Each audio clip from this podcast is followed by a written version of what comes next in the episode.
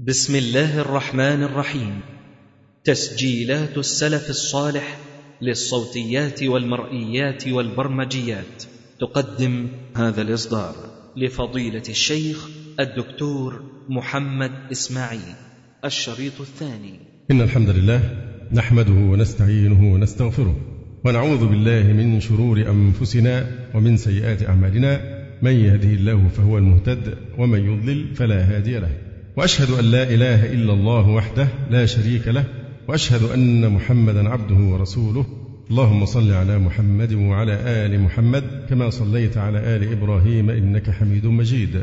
اللهم بارك على محمد وعلى آل محمد كما باركت على آل إبراهيم إنك حميد مجيد. أما بعد فإن أصدق الحديث كتاب الله وأحسن الهدي هدي محمد صلى الله عليه وسلم وشر الأمور محدثاتها وكل محدثة بدعة وكل بدعة ضلالة وكل ضلالة في النار.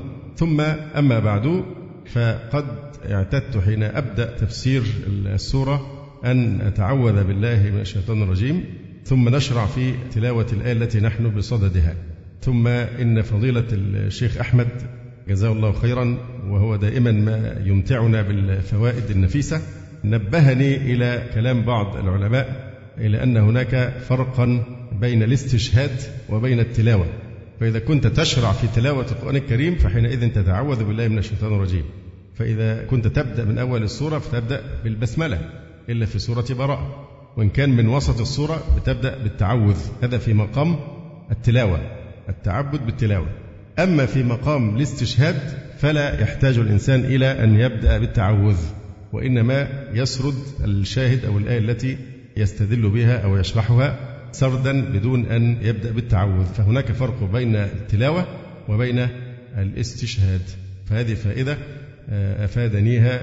جزاه الله خيرا انتهينا في تفسير سورة الممتحنة أو الممتحنة إلى الآية الثامنة وهي قوله تبارك وتعالى لا ينهاكم الله عن الذين لم يقاتلوكم في الدين ولم يخرجوكم من دياركم أن تبروهم وتقسطوا إليهم.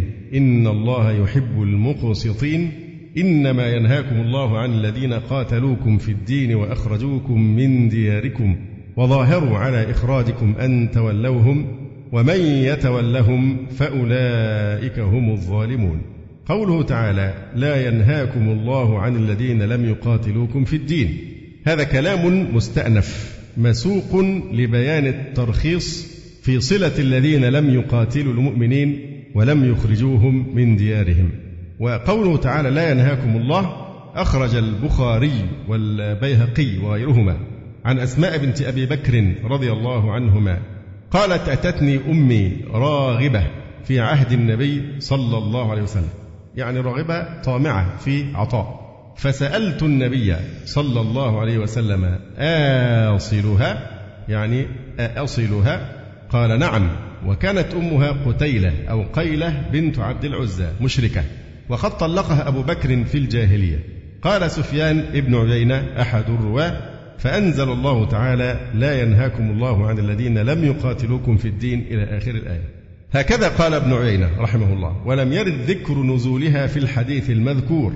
لذلك لم يذكره البخاري في كتاب التفسير ويؤيد قول ابن عيينة ما أخرجه أحمد والبزار وأبو داود والطيالسي وغيرهم أن أم أسماء المذكورة قدمت إليها بهدايا فكرهت أن تقبل منها أو تدخلها بيتها فسألت لها عائشة رضي الله عنها النبي صلى الله عليه وسلم عن ذلك فنزلت هذه الآية فأمرها أن تقبل هديتها وتدخلها بيتها وأخرج الحاكم والواحدي في سياق هذه القصة أن عائشة سألته عن ذلك فتلا النبي صلى الله عليه وآله وسلم هذه الآية. لا ينهاكم الله عن الذين لم يقاتلوكم. يقول الجلال المحلي من الكفار. يقصد بذلك من الكفار. في الدين أي لأجل الدين. ولم يخرجوكم من دياركم أن تبروهم وتقسطوا إليهم. ما إعراب أن تبروهم؟ بدل إيه؟ اشتمال ها؟ بدل اشتمال من الذين. وتقسطوا أي تفضوا إليهم بالقسط أي العدل. يقول هذا قبل الأمر بجهادهم. وفي الحقيقة هذا القول من الجلال المحلي إشارة إلى أن هذا منسوخ وهذا المذهب فيه نظر كما سنبين إن شاء الله تعالى من كلام ابن جرير الطبري وغيره. لكن هذا بناء على القول بالنسخ لكن هذا فيه نظر. إن الله يحب المقسطين أي العادلين. وجميل قول الزمخشري بهذا الصدد وناهيك بتوصية الله المؤمنين أن يستعملوا القسط مع المشركين به ويتحاموا ظلمهم. مترجمة عن حال مسلم يجترئ على ظلم أخيه المسلم. فإذا كان الله حرم الظلم حتى مع الكافر وأمر بالقسط أن تبروهم وتقسطوا إليهم. إن الله يحب المقسطين حتى مع الكافرين العادلين حتى مع الكافرين. فهذا يترجم عن حال مسلم يجترئ على ظلم أخيه المسلم. لا شك أنه أشنع وأفظع. إنما ينهاكم الله عن الذين قاتلوكم في الدين وأخرجوكم من دياركم وظاهروا على إخراجكم. ظاهروا أي عاونوا على إخراجكم أن تولوهم. وهذا بدل اشتمال من الذين. أن تولوهم يعني أن تتخذوهم أولياء. ومن يتولهم فأولئك هم الظالمون. الواو هنا استئنافية. ومن يتولهم فأولئك هم الظالمون. يقول القاسمي رحمه الله تعالى في تفسير هذه الآيات الكريمة. لم لا ينهاكم الله عن الذين لم يقاتلوكم في الدين. ولم يخرجوكم من دياركم أن تبروهم وتقسطوا إليهم أي تعطوهم قسطا من أموالكم على وجه الصلة. هذا تفسير آخر لأن المحلي فسرها أن تفضوا إليهم بالعدل القسط العدل. لكن يقول بعض المفسرين أن تقسطوا إليهم تعطوهم قسطا من أموالكم على وجه الصلة وليس يريد به من العدل. فإن العدل واجب في من قاتل وفي من لم يقاتل. يبقى هنا القول الأول أن تبروهم وتقسطوا إليهم أي تعدلوا معهم. هذا في في من؟ في من لم يقاتلوكم ولم يقاتلوكم في الدين ولم يخرجوكم من ديارهم. أن تبروهم وتقسطوا إليهم. فهنا يقول إن تقسطوا إليهم ليس المقصود بها العدل. لماذا؟ لأن العدل في الإسلام لا يقتصر على من لم يقاتل وإنما العدل مطلوب مع مع الكافرين سواء قاتلونا أو لم يقاتلون. ولا يجرمنكم شنآن قوم على ألا تعدلوا اعدلوا هو أقرب للتقوى. فالعدل مطلوب مع كل البشر سواء قاتلونه أو لم يقاتلونه يقول وليس يريد به من العدل فإن العدل واجب في من قاتل وفي من لم يقاتل. وهذا قاله الإمام أبو بكر ابن العربي رحمه الله تعالى. ودخل ذمي على إسماعيل بن إسحاق القاضي فأكرمه فأخذ عليه الحاضرون ذلك فتلا عليهم هذه الآية الكريمة.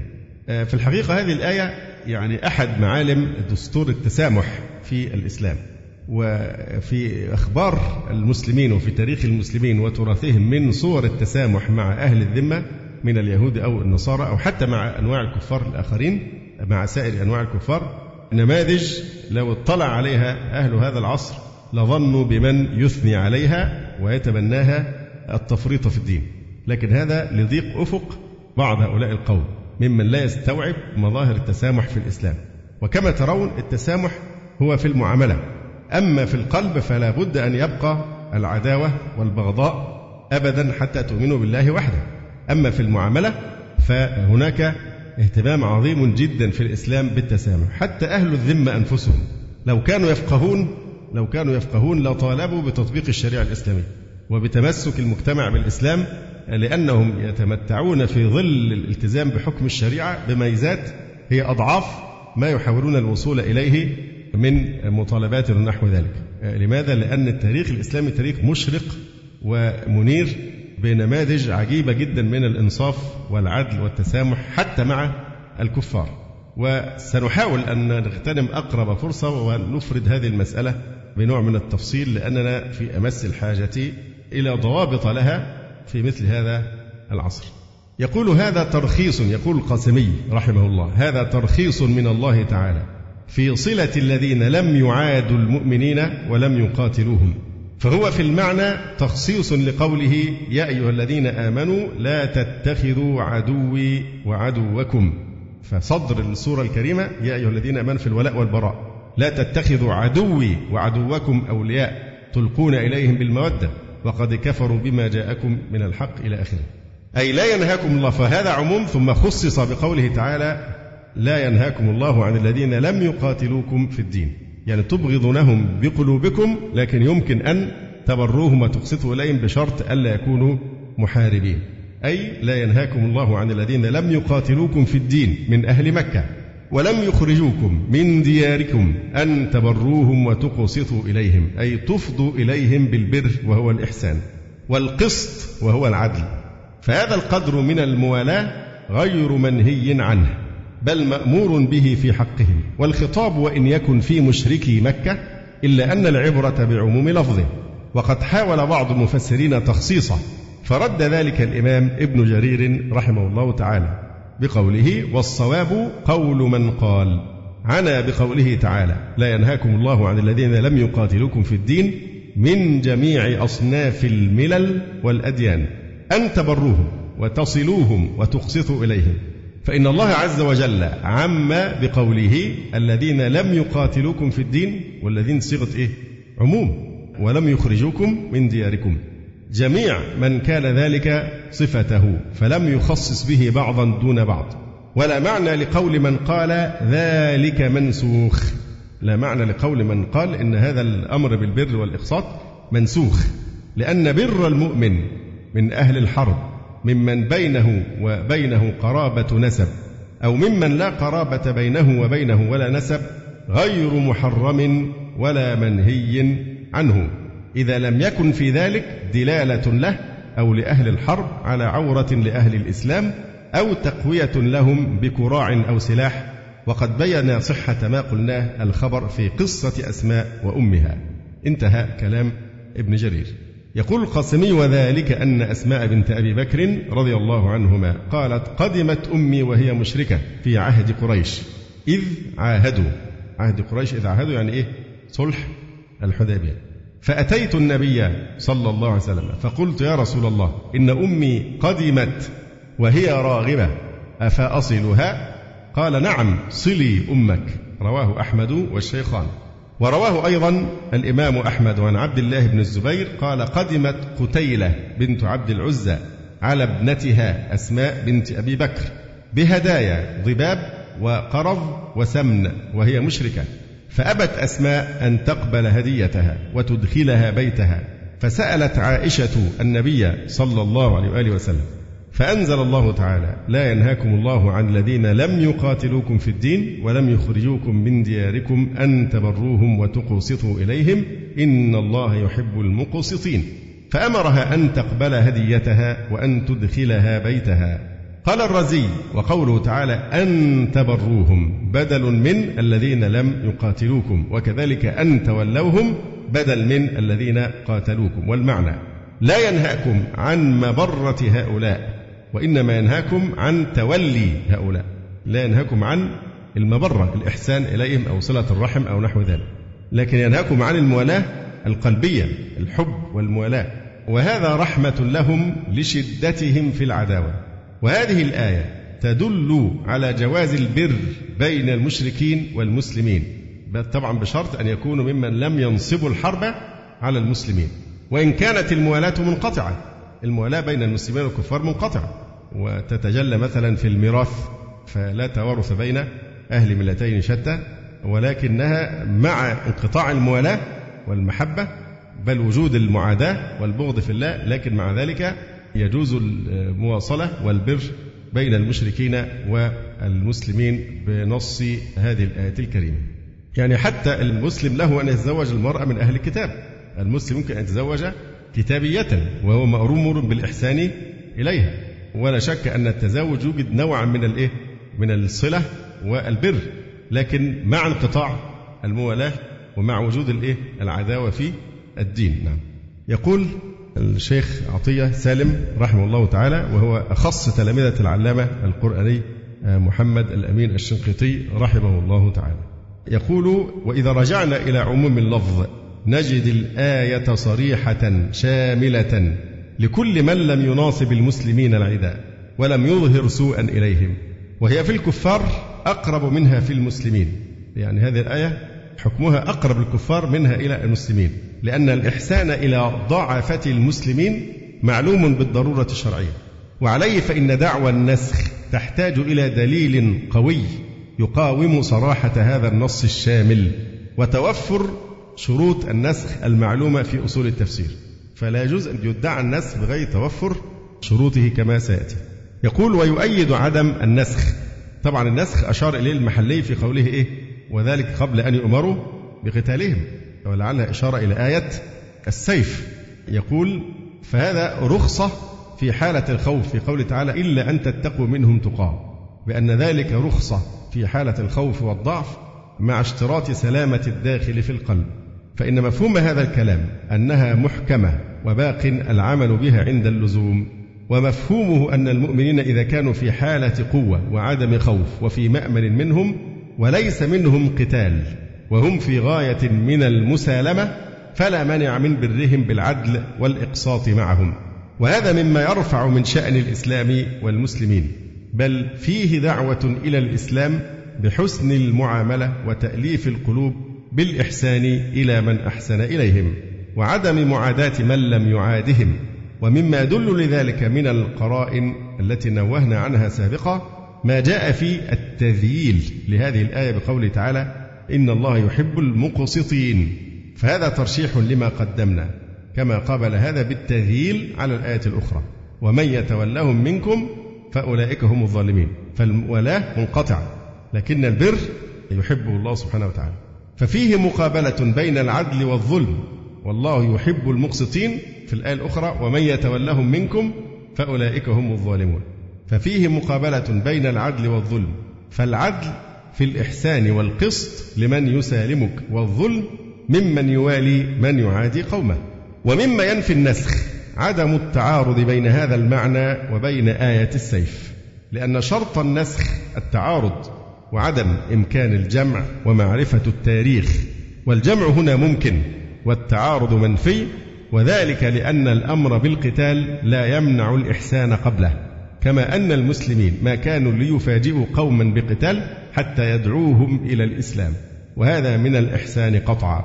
ولأنهم قبلوا من أهل الكتاب الجزية وعاملوا أهل الذمة بكل إحسان وعدالة. وقصة الضعينة في صحيح البخاري صاحبة المزادتين لم يقاتلوها أو يأسروها أو يستبيحوا دماءها بل استاقوها بمائها لرسول الله صلى الله عليه وسلم فأخذ من مزادتيها قليلا ودعا فيه ورده ثم استقوا وقال لها اعلمي أن الله هو الذي سقانا ولم ننقص من مزادتيك شيئا وأكرموها وأحسنوا إليها وجمعوا لها طعاما وأرسلوها في سبيلها فكانت تذكر ذلك. وتدعو قومها للإسلام. فهذه امرأة مشركة وقد أحسن إليها النبي صلى الله عليه وسلم والصحابة رضي الله عنهم أجمعين. وقصة ثمامة لما جيء به أسيرا وربط في سارية المسجد وبعد أن أصبح عاجزا عن القتال لم يمنعهم من الإحسان إليه. فكان يراح عليه كل يوم بحليب سبع نياق حتى فك أسره فأسلم طواعية. وهكذا نص قوله تعالى ويطعمون الطعام على حبه مسكينا ويتيما وأسيرا. إنما نطعمكم لوجه الله. فهل يعقل أن يكون عند المسلمين أسير مسلم؟ قطعا هذا الأسير كافر أسر في الجهاد. فمع ذلك أثنى الله على الذين يطعمون الطعام على حبه يعني يؤثرون على أنفسهم. ويطعمون الطعام على حبه مسكينا ويتيما وأسيرا. إنما نطعمكم لوجه الله. هنا ثغرة قد يقع فيها بعض الناس أنه حينما يمتثل أمر الله سبحانه وتعالى بالبر أو الصلة أو الإحسان في معاملة الكافر ربما يستحضر في نيته أنه يفعل هذا لأجل أن يقولوا عن المسلمين إنهم أناس أصحاب عدل وتسامح وكذا فتتحسن صورة المسلمين عندهم إلى آخر هذه المقاصد. كلا ينبغي أن يطلب بهذا العمل الصالح وجه الله مثل أي عبادة أخرى. ولذلك قال عز وجل هنا ويطعمون الطعام على يعني مش مسألة دعائية. احذروا من هذا الفخ أن الإنسان ينوي الدعاية. فنحن لا نرائي الناس مثل هذه الأعمال وأن هذه عبادة يراد بها وجه الله. ويطعمون الطعام على حبه مسكينا ويتيما وأسيرا. إنما نطعمكم لوجه الله. لا نريد منكم جزاء ولا شكورا. إنا نخاف من ربنا يوما عبوسا قمطريرا. وفي سنة تسع وهي سنة الوفود فكان يقدم إلى المدينة المسلمين وغير المسلمين فيتلقون الجميع بالبر والإحسان. كانوا يحسنون إلى أي وفد يأتي في المدينة؟ كوفد نصارى نجران حينما أتوا وغيرهم وها هو ذا وفد تميم جاء يفاخر ويفاوض في أسارى له فيأذن لهم صلى الله عليه وسلم ويستمع مفاخرتهم ويأمر من يرد عليهم من المسلمين. وفي النهاية يسلمون ويجيزهم الرسول صلى الله عليه وسلم بالجوائز. وهذا أقوى دليل على عدم النسخ. لأن وفدا يأتي متحديا مفاخرا. لكنه لم يقاتل ولم يظاهر على إخراجهم من ديارهم. وجاء في أمر جار في عرف العرب فجاراهم فيه صلى الله عليه وسلم. بعد أن أعلن لهم أنه ما بالمفاخرة بعث. ولكن ترفقا بهم وإحسانا إليهم وتأليفا لقلوبهم. وقد كان أن هذه المعاملة ألفت قلوبهم فأسلموا وهذا ما تعطيه جميع الأقوال التي قدمناها. والتاريخ الإسلامي حافل بنماذج مدهشة مدهشة من التسامح في كل أحقاب التاريخ الإسلامي مع الكفار. بل إن في بعض المعارك كان الكفار النصارى يفزعون من بني ملتهم من النصارى ويأوون إلى المسلمين لما يجدون عندهم من الإنصاف والعدل والتسامح والحديث في ذلك تطول جدا. يعني كنت أقرأ بالأمس موقفا لشيخ الإسلام ابن تيمية أنه حينما كان يفاوض ملك التتار على الأسرى الذين عنده وعده بأن يطلق أسرى المسلمين. فقال شيخ الإسلام وأسرى أهل الذمة أيضا الذين أسرتموهم من اليهود أو النصارى. فأبى الملك فأصار شيخ الإسلام وقال ما يكون بيننا هدنة أو اتفاق؟ لأن أهل الذمة أيضا لهم مال المسلمين في مثل هذا ولا بد أن اشترط عليه أن يطلقهم فاستجاب لشيخ الإسلام ابن تيمية. فهذا ليست مسألة رياء مثل هذه السلوكيات عند المسلمين ليست رياء كي يقولوا عنا كذا وكذا من مثل هذه المقاصد وإنما هذه عبادة. يعني أنت تفعلها ابتغاء وجه الله سبحانه وتعالى ولأن الإسلام هو الذي يلزمنا بذلك. وهذه روعة يعني موقف الإسلام من هؤلاء القوم. طبعا على الجهة الأخرى في الحقيقة أيضا أحقاب التاريخ كلها منذ أول ظهور الإسلام إلى اليوم حافلة بالتعصب الأعمى من جانب الكفار بالذات الغربيين في أوروبا أو في أمريكا الحقد والتعصب والوحشية وما فعله الصليبيون في فلسطين منا ببعيد أشنع المجازر التي سودت التاريخ البشري كله حينما خاضت الخيول في بحار من دماء المسلمين في الطرقات. لما استولى الصليبيون على القدس ولم يراعوا إلا ذمة وكانوا يعطون العهود ثم لا يلبثون أن يغدروا. وهذا حديث يطول جدا. قضية التعصب والتسامح والمقارنة العادلة بين المسلمين وبين غيرهم من الكافرين في مبدأ التسامح والتعصب هم أصلا لا وجه المقارنة على الإطلاق. بالعكس التاريخ كله وبأقلام علماء النصارى مفكريهم أنفسهم يدينون هذه الجرائم ويحكمون الإسلام بقمة التسامح سواء كان في الفردوس المفقود في الأندلس. يعني يكفي أن اليهود لما حصل طرد المسلمين من الأندلس طردوا أيضا اليهود لأن اليهود كانوا مستهدفين أيضا. لم يجد اليهود مأوى إلا في بلاد المغرب لأنهم يضمنون أنهم سوف يحصلون على الحماية وعلى الأمن في داخل كنف المسلمين. فانضووا تحت الخلافة الإسلامية في بلاد المغرب وعاشوا في أمان وهي أثارهم وبقاياهم حتى الآن موجودة في المغرب. يمكن واحد منهم أصبح وزير يعني للأسف الشديد. فحديث التعصب والتسامح حديث ذو شجون وموضوع مهم جدا لأن نتيجة ظروف نعيشها أيضا أصبحنا في غاية من من التحفز والابتعاد عن روح الإسلام في موضوع التسامح والتعصب. كما قلنا من قبل قضية التعامل هي دي مجال التعصب أو التسامح. أما الاعتقاد فأنا أبغضه وأكفره. وأعتقد أنه سيدخل جهنم. أما في مجال التعامل فهذا هو الذي يقال فيه تعصب وتسامح. في مجال الاعتقاد لا ما يعتبر اعتقادي أنه كفر من التعصب في شيء لأنه هو أيضا يكفرني ولا يعد هذا تعصبا. هذا لا علاقة له بالتعصب والتسامح. فنرجو أن تأتي فرصة إن شاء الله ونعطي هذا نوفيه إن شاء الله حقه لأنه موضوع مهم جدا من الموضوعات التي تحتاج لتفصيل وبحث. يقول وقد بحث إمام المفسرين الطبري هذه المسألة وختم بحثه بقوله وأولى الأقوال في ذلك بالصواب. قول من قال عنا بذلك قوله تعالى لا ينهاكم الله عن الذين لم يقاتلوكم في الدين من جميع أصناف الملل والأديان أن تبروهم وتصلوهم وتقسطوا إليهم. إن الله عز وجل عم بقوله الذين لم يقاتلوكم في الدين ولم يخرجوكم من دياركم جميع من كان ذلك صفته فلم يخصص به بعضا دون بعض. ولا معنى لقول من قال ذلك منسوخ لأن بر المؤمنين من أهل الحرب ممن بينه وبينه قرابة نسب أو ممن لا قرابة بينه ولا نسب غير محرم ولا منهي عنه. إذا لم يكن في ذلك دلالة له أو لأهل الحرب على عورة لأهل الإسلام أو تقوية لهم بكراع أو سلاح. قوله إن الله يحب المقسطين يقول إن الله يحب المنصفين الذين ينصفون الناس ويعطونهم الحق والعدل من أنفسهم فيبرون من برهم ويحسنون إلى من أحسن إليهم. انتهى كلام الإمام الطبري رحمه الله تعالى. وقد سبق أن نوهنا بكلام القاضي أبي بكر ابن العربي أن المقصود أن تبروهم وتقسطوا إليهم أي تدفعوا إليهم إيه؟ قسطا من الأموال أو من الصلة وليس العدل. لأن العدل واجب على من قاتل واجب علينا تجاه من قاتل وأيضا من لم يقاتل. فالعدل مع كل الخلق كما أمر الله سبحانه وتعالى. إن الله يأمر بالعدل والله لا يحب الظالمين. وفي الحديث يعني إن دعوة المظلوم مستجابة. وإن كان يعني الإنسان فاجرا ففجوره على نفسه لكن لو ظلم تستجاب دعوته. وفي تفسير آيات الأحكام للشافعي رحمه الله. مبحث هام نسوقه أيضا بنصه لأهميته.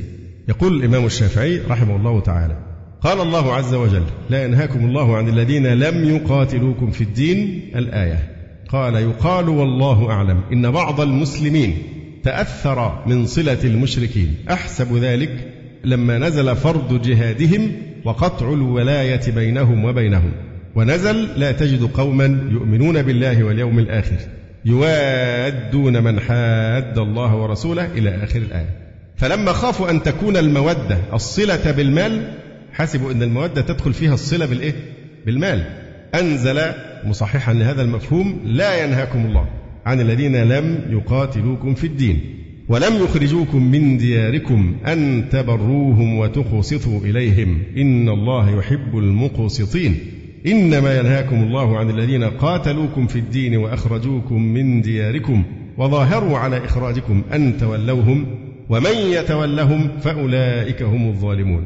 قال الشافعي رحمه الله وكانت الصلة بالمال والبر والإقساط ولين الكلام والمراسلة بحكم الله غير ما نهوا عنه من الولاية لمن نهوا عن ولايته مع المظاهرة على المسلمين. وذلك لأنه أباح بر من لم يظاهر عليهم من المشركين والإقساط إليهم ولم يحرم ذلك إلى من لم يظاهر عليهم بل ذكر الذين ظاهروا عليهم فنهاهم عن ولايتهم إذ كان الولاية غير البر والإقساط. وكان النبي صلى الله عليه وسلم فادى بعض أسارى بدر وقد كان أبو عزة الجمحي ممن من عليه وقد كان معروفا بعداوته والتأليب عليه بنفسه ولسانه. ومن بعد بدر على ثمامة بن أثال وكان معروفا بعداوته صلى الله عليه وسلم. وأمر بقتله ثم من عليه بعد أسره وأسلم ثمامة وحبس الميرة عن أهل مكة. فسألوا رسول الله صلى الله عليه وسلم أن يأذن لهم أن يميرهم فأذن له فمارهم. وقال الله عز وجل ويطعمون الطعام على حبه مسكينا ويتيما وأسيرا والأسرى يكونون ممن حاد الله ورسوله ومع ذلك امتدح من أحسن إليهم بالإطعام. انتهى كلام الإمام الشافعي. يقول الشيخ عطية سالم رحمه الله وهذا الذي صوبه ابن جرير وصححه الشافعي رحمه الله الذي تقتضيه روح التشريع الإسلامي أما وجهة النظر التي وعدنا بتقديمها فهي أن المسلمين اليوم مشتركة مصالحهم بعضهم ببعض ومرتبطة بمجموع دول العالم من المشركين وأهل الكتاب.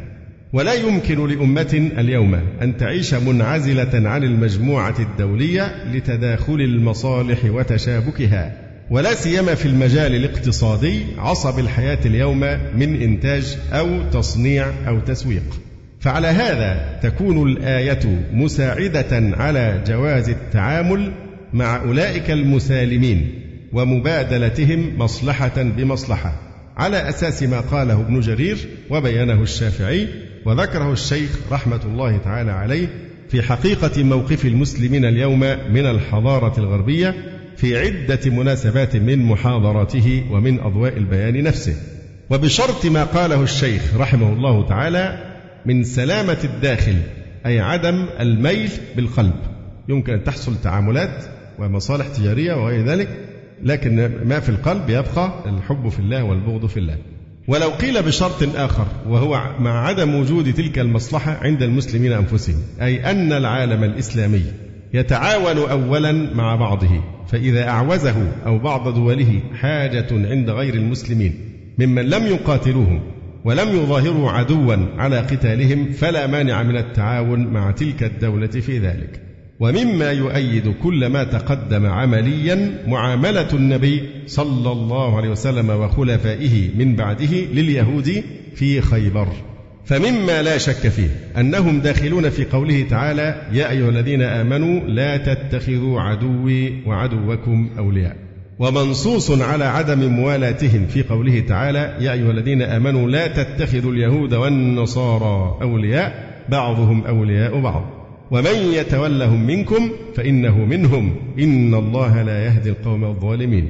ومع ذلك لما أخرجهم صلى الله عليه وسلم من المدينة وحاصرهم بعدها في خيبر وفتحها الله عليه وأصبحوا في قبضة يده فلم يكونوا بعد ذلك في موقف المقاتلين ولا مظاهرين على إخراج المسلمين من ديارهم. عاملهم الرسول صلى الله عليه وسلم بالقسط فعاملهم على أرض خيبر ونخيلها وأبقاهم فيها على جزء من الثمرة كأجراء يعملون لحسابه وحساب المسلمين فلم يتخذهم عبيدا يسخرهم فيها. وبقيت معاملتهم بالقسط كما جاء في قصة ابن رواحة رضي الله عنه لما ذهب يخرص عليهم وعرضوا عليه ما عرضوا من الرشوة ليخفف عنهم فقال لهم كلمته المشهورة والله لأنتم أبغض الخلق إلي وجئتكم من عند أحب الخلق إلي. صلى الله عليه وسلم. ولن يحملني بغضي لكم ولا حبي له أن أحيف عليكم. لن أظلمكم. في القصة أن عبد الله بن رواحة ذهب يخرص التمر يعني يقدر محصول البلح بحيث يعني إيه يحدد نسبة ما عليهم أن يدفعوه للمسلمين. فعرضوا عليه الرشوة حتى يخفف عنه. فقال لهم هذه الكلمة الرائعة والله لأنتم أبغض الخلق إلي. وجئتكم من عند أحب الخلق إلي. يعني وكيف أخونه وهو أحب الخلق إلي؟ صلى الله عليه وسلم. ولن يحملني بغضي لكم ولا حبي له أن أحيف عليكم. فإما أن تأخذوا بنصف ما قدرت وإما أن تكفوا أيديكم ولكم نصف ما قدرت. فقالوا له اليهود بهذا قامت السماوات والأرض أي بالعدالة والإيه؟ والقسط. وقد بقوا على ذلك نهاية زمنه صلى الله عليه وسلم وخلافة الصديق وصدرا من خلافة عمر حتى أجلاهم عنها رضي الله تعالى عنه. ومثل ذلك المؤلفة قلوبهم. أعطاهم صلى الله عليه وسلم بعد الفتح وأعطاهم الصديق حتى منعهم عمر رضي الله تعالى عنه. فهذا أيضا من البر والإقساط والإحسان إليهم في الناحية المادية. يقول وفي الختام إن أشد ما يظهر وضوحا في هذا المقام ولم يدعي أحد فيه نسخا. قوله تعالى وإن جاهداك على أن تشرك بي ما ليس لك به علم فلا تطعهما وصاحبهما في الدنيا معروفا. وهذا في الوالدين المشركين. وصاحبهما في الدنيا معروفا. مع أن هذين الوالدين ماذا يفعلان؟ يعني ليس فقط يعني كفرهما لازما وإنما كفر متعدي هم دعاء إلى الكفر فهم يدعوان ابنهما أو ولدهما ليس فقط دعوة يجاهدانه على أن يكفر بالله ويتابعهما على دينهما يجاهدانه وإن جاهداك مش على معصية لا على أن تشرك بما ليس لك به علم فلا تطعهما في الأمر بالشرك ومع ذلك وصاحبهما في الدنيا معروفة ولا شك أن في هذه الآية إنذار خطير جدا لأي مسلم يسيء معاملة أبويه لأن إذا كان أوجب الله سبحانه وتعالى الإحسان والمصاحبة بالمعروف مع الوالدين مش بس مشركين دول داعيين إلى الشرك يجاهدان ولدهما على أن يكون مشركا. فماذا قال عز وجل؟ فلا تطعهما. وقال أيضا وصاحبهما في الدنيا معروف. فمهما فعل أبوك أو أمك هل هو يجاهدك على الشرك؟ فالأب المسلم والأم المسلمة حرمتهما عند الله أعظم من الأبوين المشركين اللذين يجاهدان ولدهما على الشرك. ودائما لا نرى العقوق لا يصدر إلا من هو قليل أو عديم الفقه في الشريعة. ليس عنده فقه ولا يحسن وزن الأمور وينساق وراء أهوائه وانفعالته ونحو ذلك. لكن من حكم الشريعة علم عظم حق الأبوين حتى لو كانا كافرين. وصاحبهما في الدنيا معروف. فهذه حسن معاملة وبر وإحسان لمن جاهد المسلم على أن يشرك بالله ولم يقاتل المسلمين. فكان حق الأبوة مقدما ولو مع الكفر والمجاهدة على الشرك. أيضا في نهاية هذه السورة نفسها يقول تعالى فإن علمتموهن مؤمنات فلا ترجعوهن إلى الكفار. لا هن حل لهم ولا هم يحلون لهن. ثم قال تعالى وآتوهم ما أنفقوا.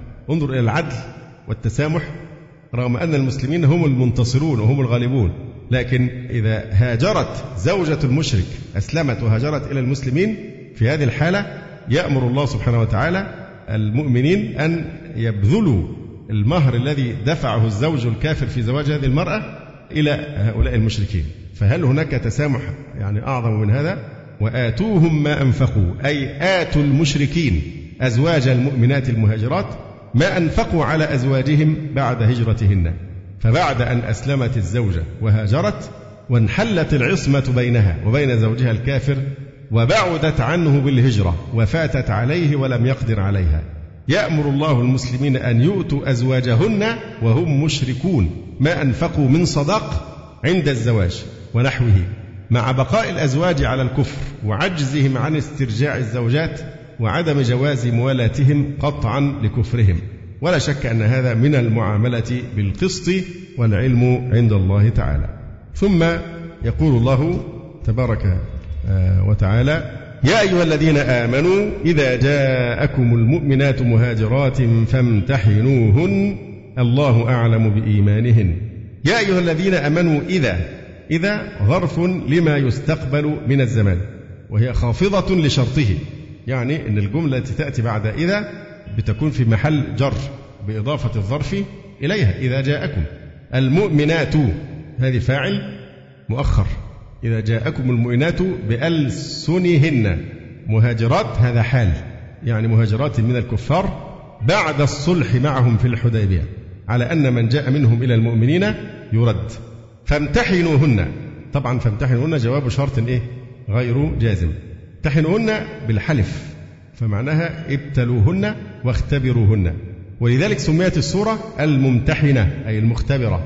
أراد المرأة أو الجماعة الممتحنة. وإن فتحت الحاء الممتحنة يكون المعنى سورة المرأة المهاجرة التي نزلت فيها آية الامتحان وهي هذه الآية. فامتحنوهن بالحلف.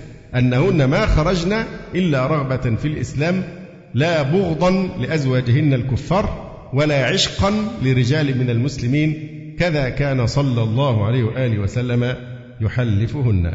الله أعلم بإيمانهن. فإن علمتموهن مؤمنات يعني إن ظننتموهن بالحلف. مؤمنات ما أعرب مؤمنات؟ مفعول به ثاني فلا ترجعهن لا تردهن إلى الكفار. لا هن حل لهم ولا هم يحلون لهن. طبعا هذه الجملة لا محل لها لأنها تعليلية. وأتوهم أي أعطوا الكفار الذين هم أزواجهن ما أنفقوا عليهن من المهور.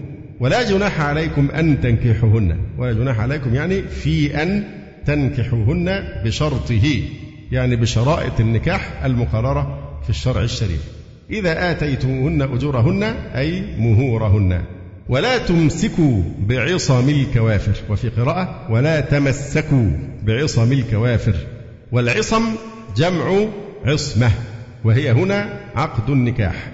وكل ما عصم به الشيء فهو عصام وعصمة.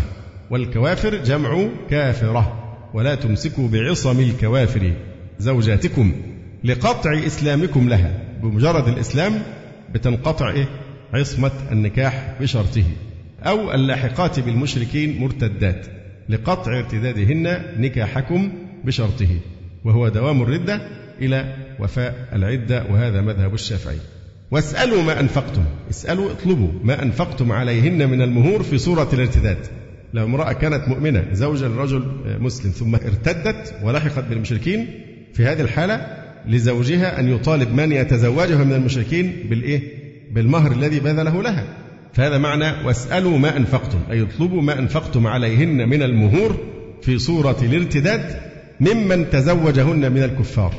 وليسألوا ما أنفقوا. أنفقوا على من؟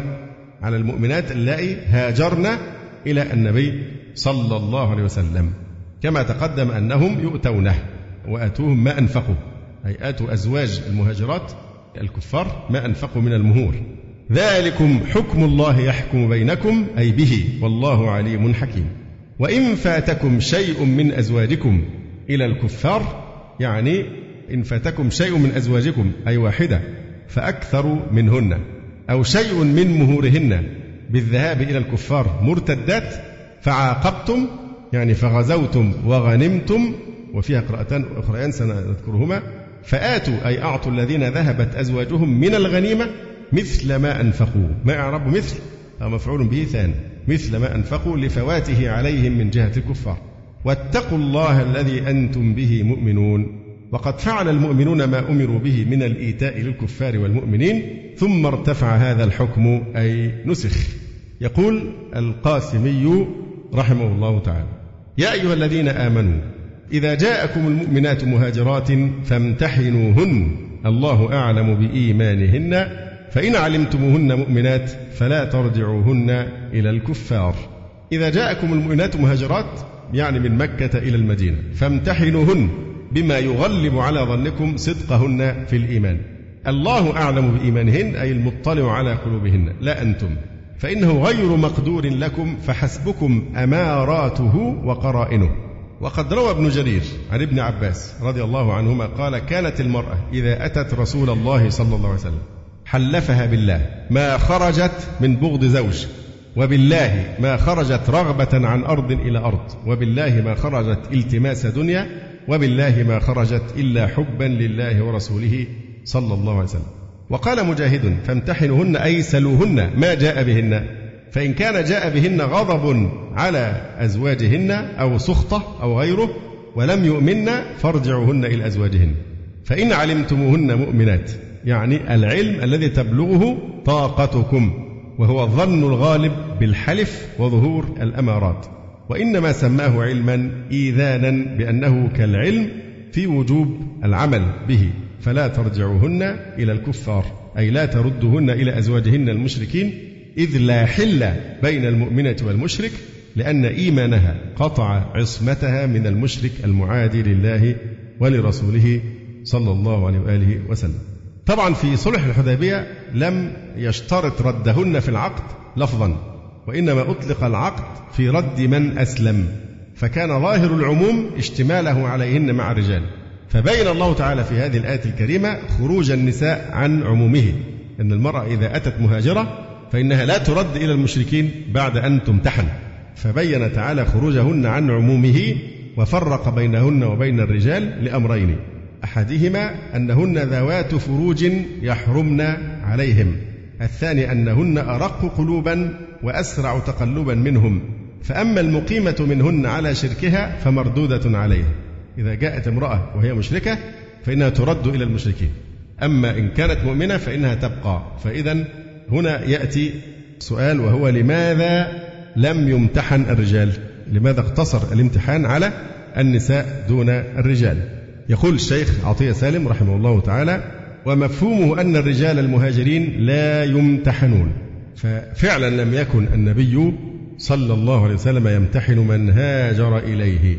والسبب في امتحانهن دون الرجال هو ما أشارت إليه هذه الآية الكريمة في قوله تعالى فإن علمتموهن مؤمنات فلا ترجعوهن إلى الكفار. كأن الهجرة وحدها لا تكفي في حقهن بخلاف الرجال.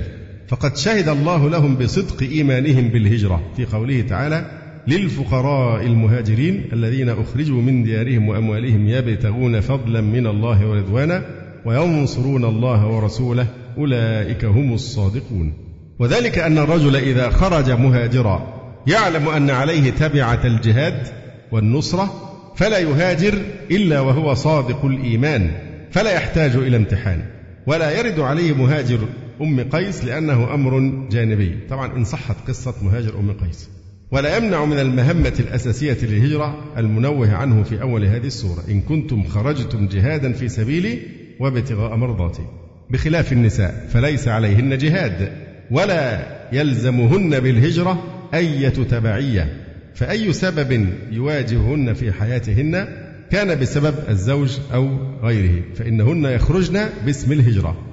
فكان ذلك موجبا للتوثق من هجرتهن بامتحانهن ليعلم إيمانهن.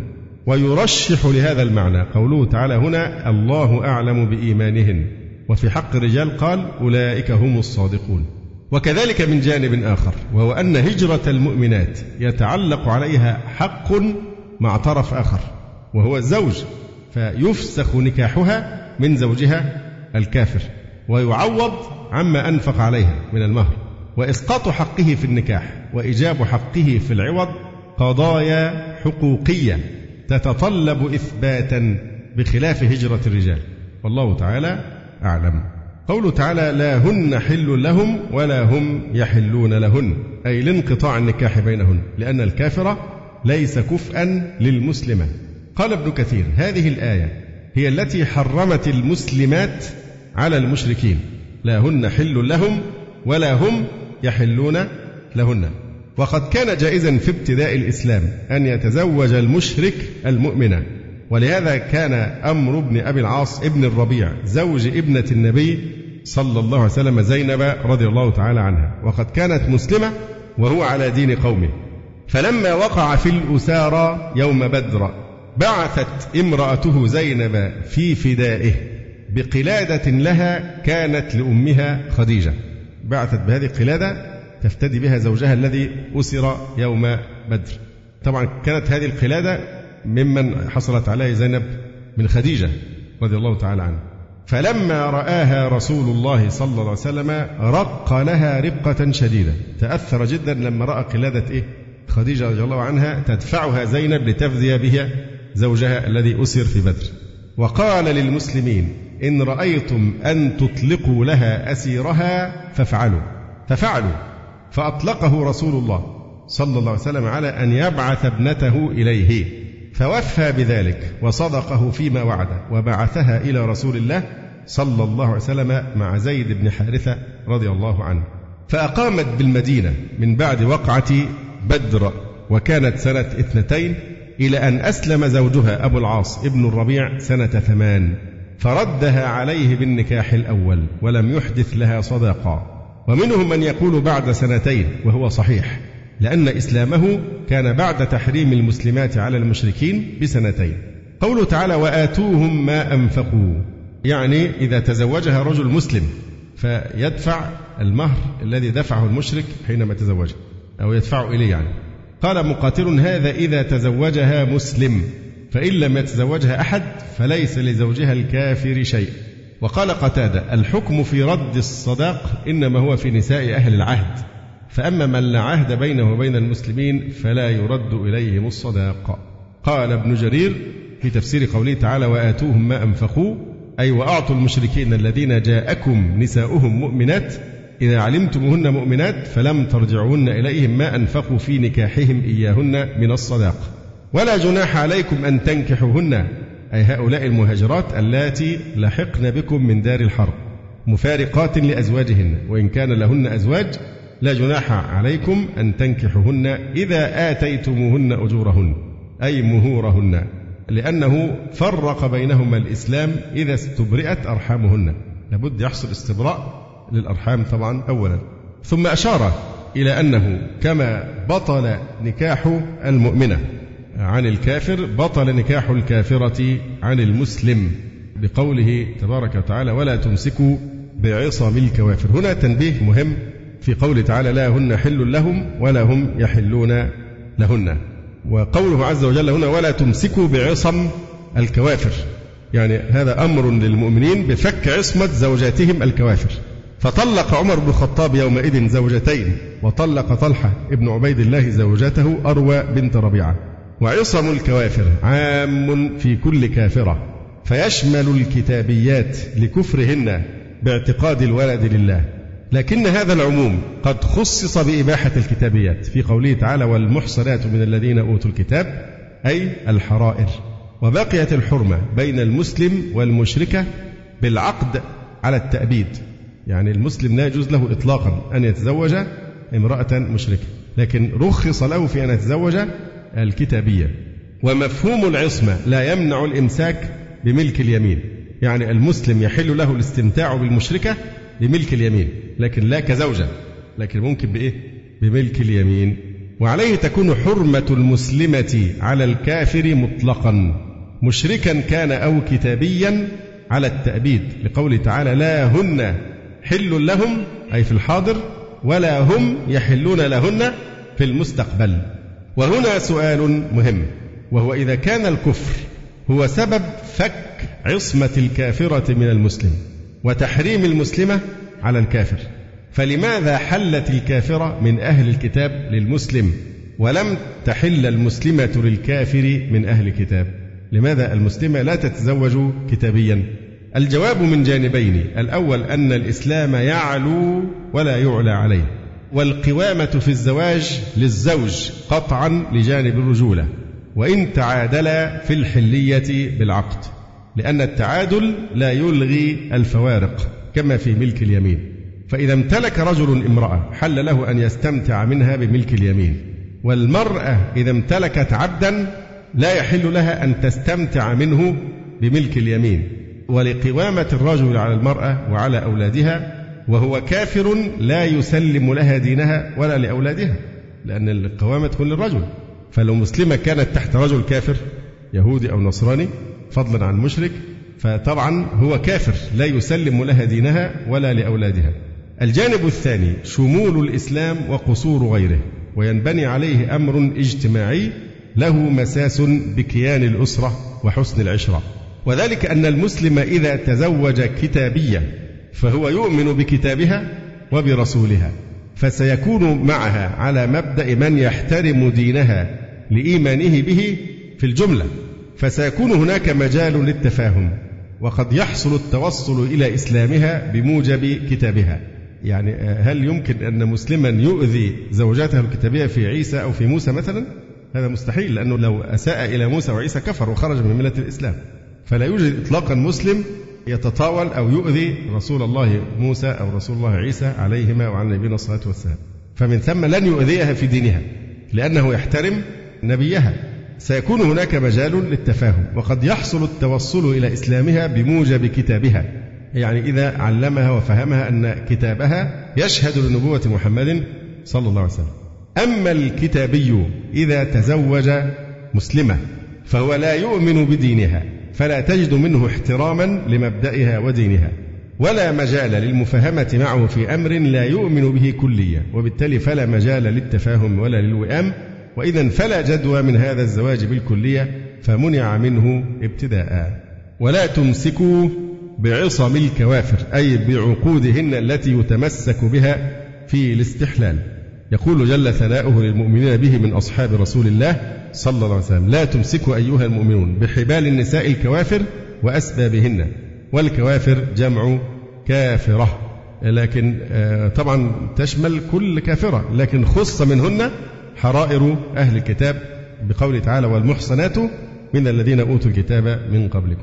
واسألوا ما أنفقتم أي اطلبوا أيها المؤمنون الذين ذهبت أزواجهم فلحقنا بالمشركين ما أنفقتم على أزواجكم اللواتي لحقن بهم من الصداق من تزوجهن منهم.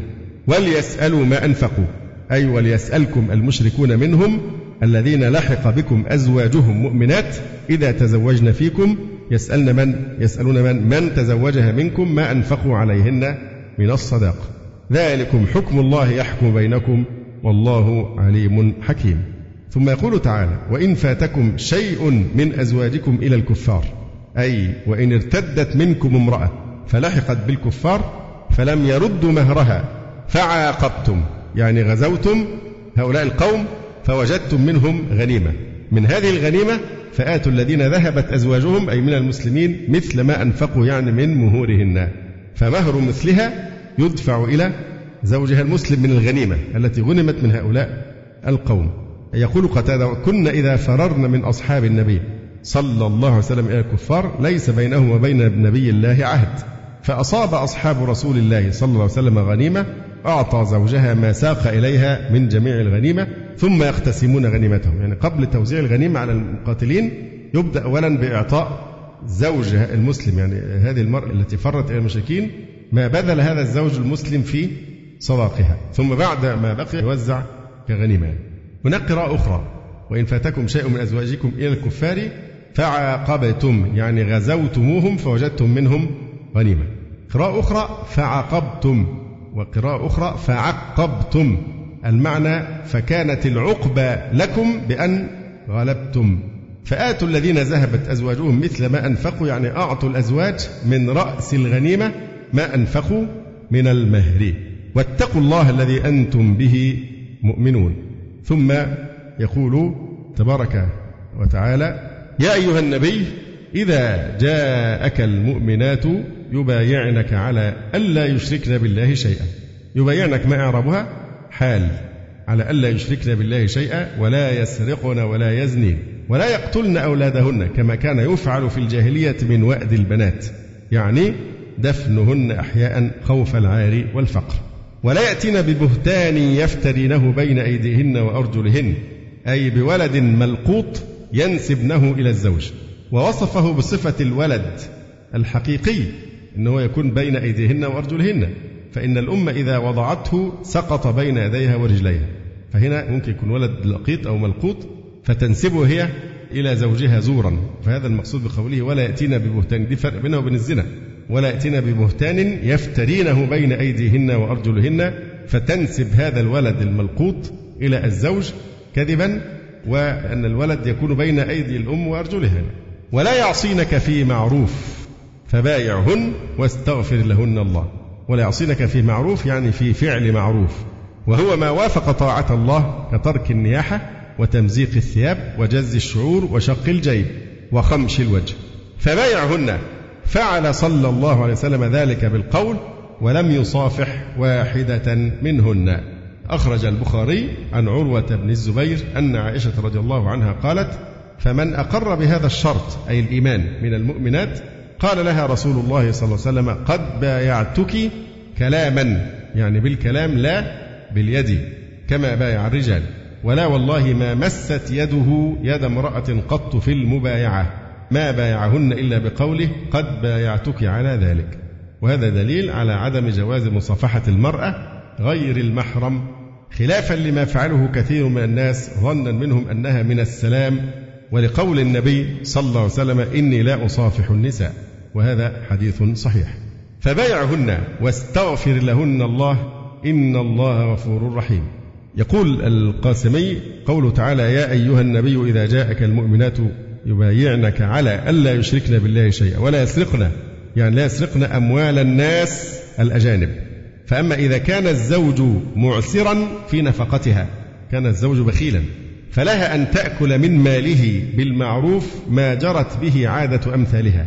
وإن كان من غير علمه عملا بحديث هند بنت عتبة أنها قالت يا رسول الله إن أبا سفيان رجل شحيح لا يعطيني من النفقة ما يكفيني ويكفي بني فهل علي جناح إن أخذت من ماله بغير علمه؟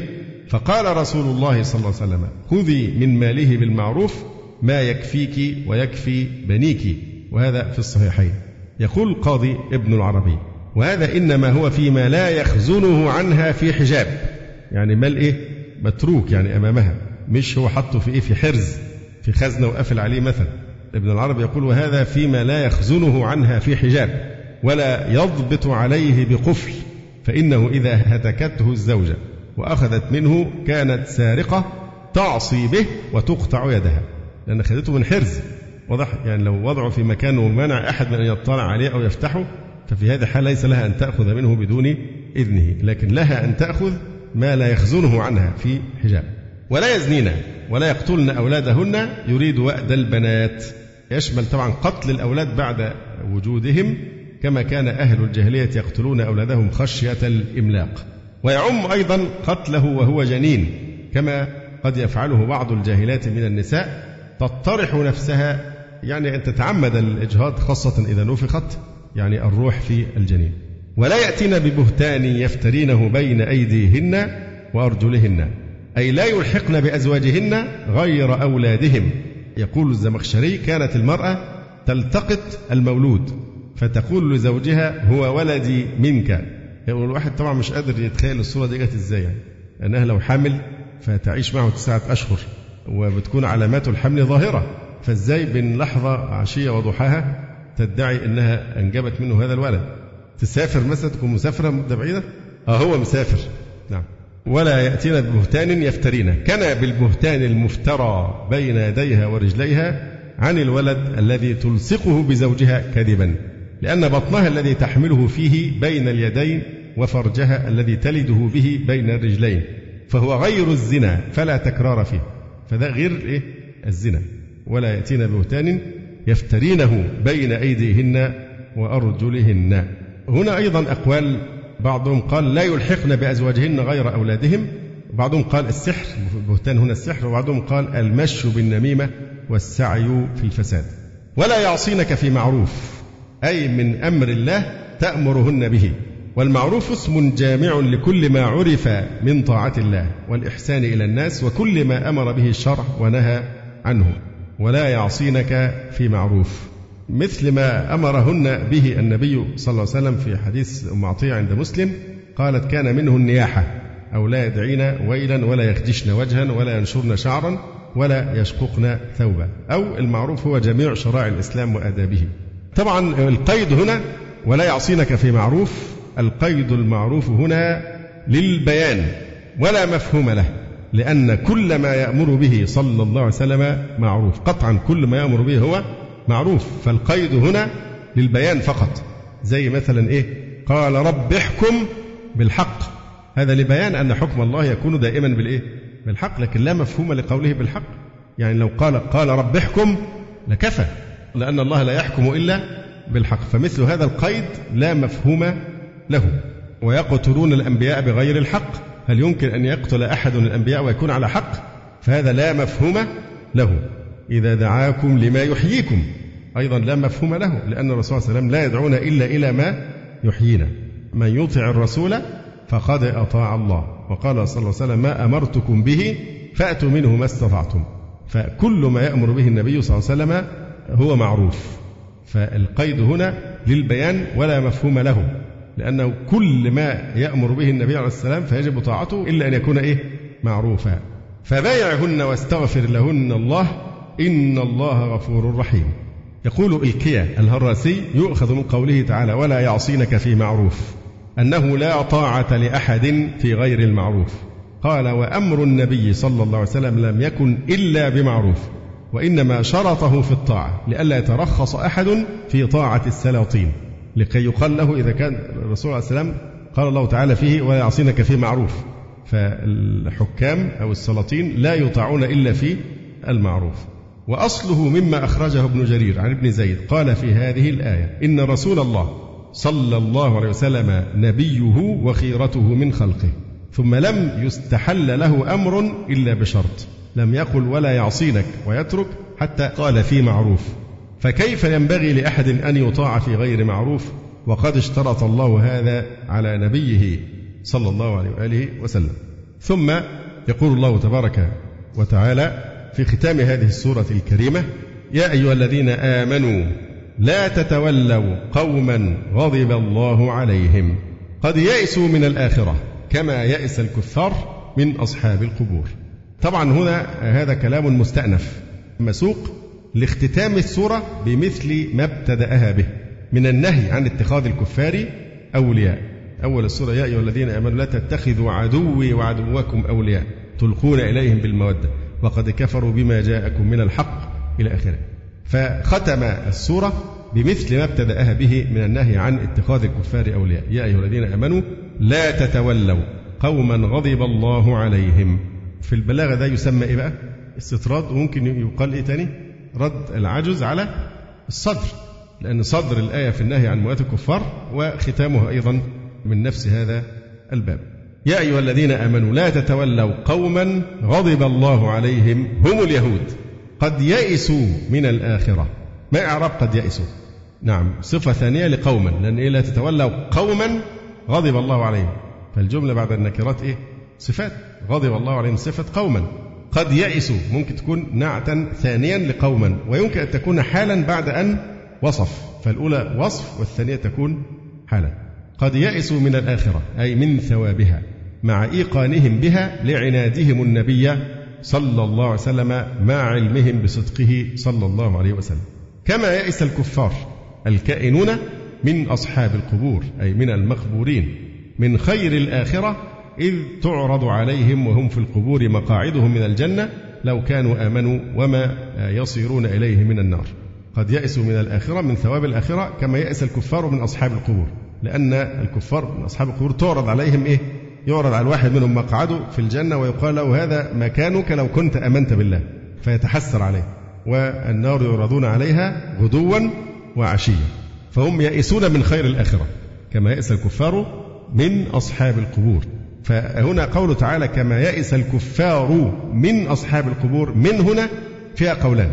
إما أنها لابتداء الغاية يعني كما يئس الكفار من أصحاب القبور يعني أنهم لا يوقنون ببعث الموتى البتة فيأسهم من الآخرة كيأسهم من موتاهم لاعتقادهم عدم بعثهم. فالكفار يأسون من أصحاب القبور أن يبعثوا وينشروا ويحيوا حياة أخرى.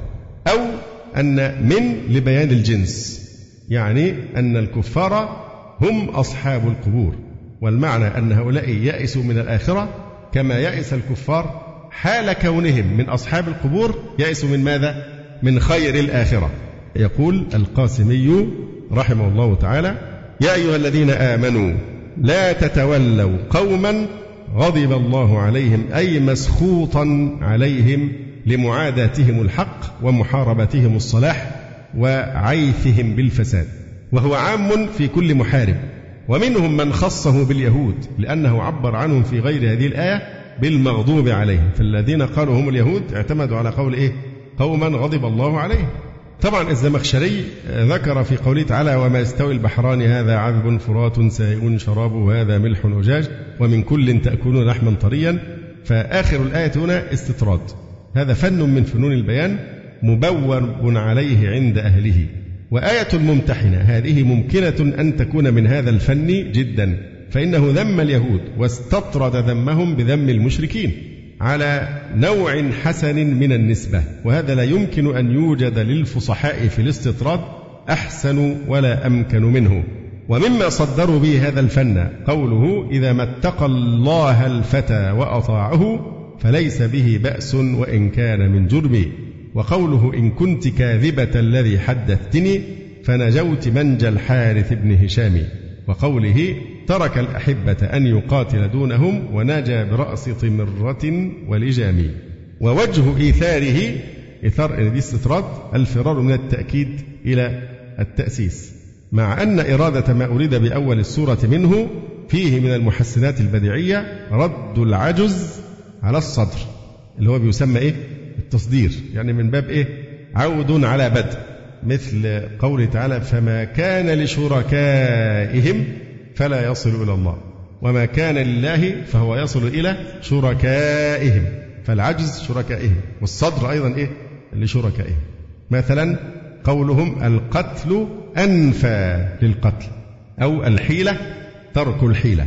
يقول الشاعر تسير النجوم الدائرات بحكمه وذاك إذا عدت علاه يسير. ويقول آخر لقد حاز أنواع الفضائل كلها وأمسى وحيدا في فنون الفضائل. وقال آخر سألت صروف الدهر حظ مملك فشحت وجادت لي بحظ أديبي فهذا إيه هذا تصدير. أما الاستطراد فهو التعريض بعيب إنسان بذكر عيب غيره لمتعلق أو نفي عيب عن نفسه بذكر عيب غيره مثل قوله تعالى وسكنتم في مساكن الذين ظلموا أنفسهم وتبين لكم كيف فعلنا بهم. ومثل قوله تعالى فإن أعرضوا فقل أنذرتكم صاعقة مثل صاعقة عاد وثمود.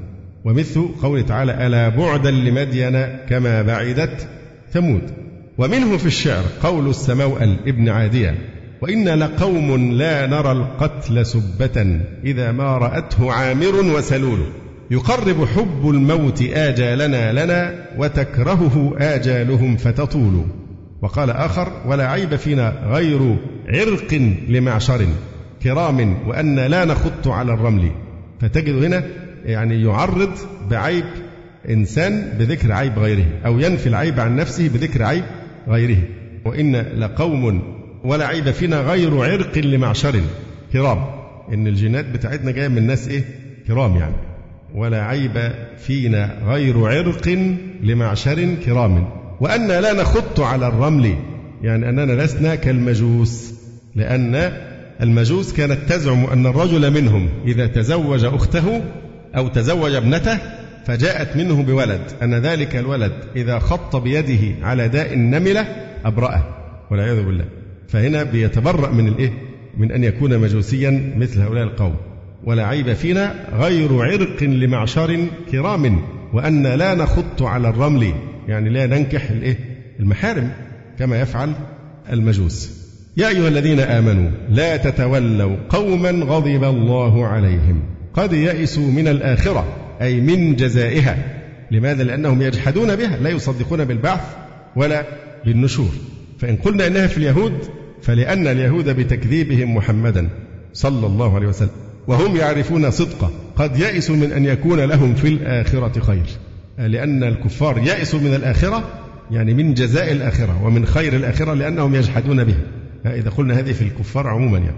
ولذلك طغوا وبغوا وعاثوا. كما يئس الكفار من أصحاب القبور أي كما يئس من سلفهم من إخوانهم الكفار المقبورين أي أنهم على شاكلة من قبلهم وكل مؤاخذ بكفره. وقيل المعنى كما يئس الكفار أن يرجع إليهم أصحاب القبور الذين ماتوا.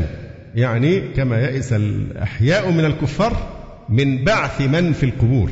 لأنهم قالوا نموت ونحيا وما يهلكنا إلا الدهر. أو كما يئس الكفار الذين ماتوا من ثواب الآخرة لأنهم أيقنوا بالعذاب. يعني لأن من مات من الكفار يئس من الخير. يقول الشيخ عطية سالم في هذه الآية يرى المفسرون أن هذه الآية في ختام هذه السورة كالآية الأولى في أولها وهذا يسمى عودا على بدء. قال أبو حيان لما افتتح هذه السورة بالنهي عن اتخاذ الكفار أولياء ختمها بمثل ذلك تأكيدا لترك موالاتهم وتنفيرا للمسلمين عن توليهم وإلقاء المودة إليهم. آه، وطبعا هنا نلاحظ أيضا هذه الآية يعني فيها تعرض لموقف حاطب ابن بلتعة رضي الله تعالى عنه لأن صدر السورة في حقه.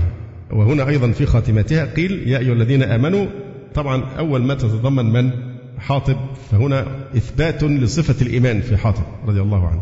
لا تتولوا قوما غضب الله عليهم.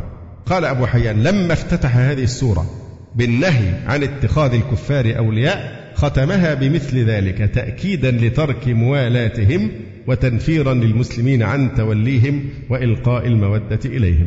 وقال ابن كثير ينهى تبارك وتعالى عن موالاة الكافرين في آخر هذه السورة كما نهى عنها في أولها. والذي يظهر لي والله تعالى أعلم أنها لم تكن لمجرد التأكيد للنهي المتقدم ولكنها تتضمن معنى جديدا وذلك للآتي الظاهر ده كلام الشيخ عطية سالم من أول كلمة والذي يظهر لي.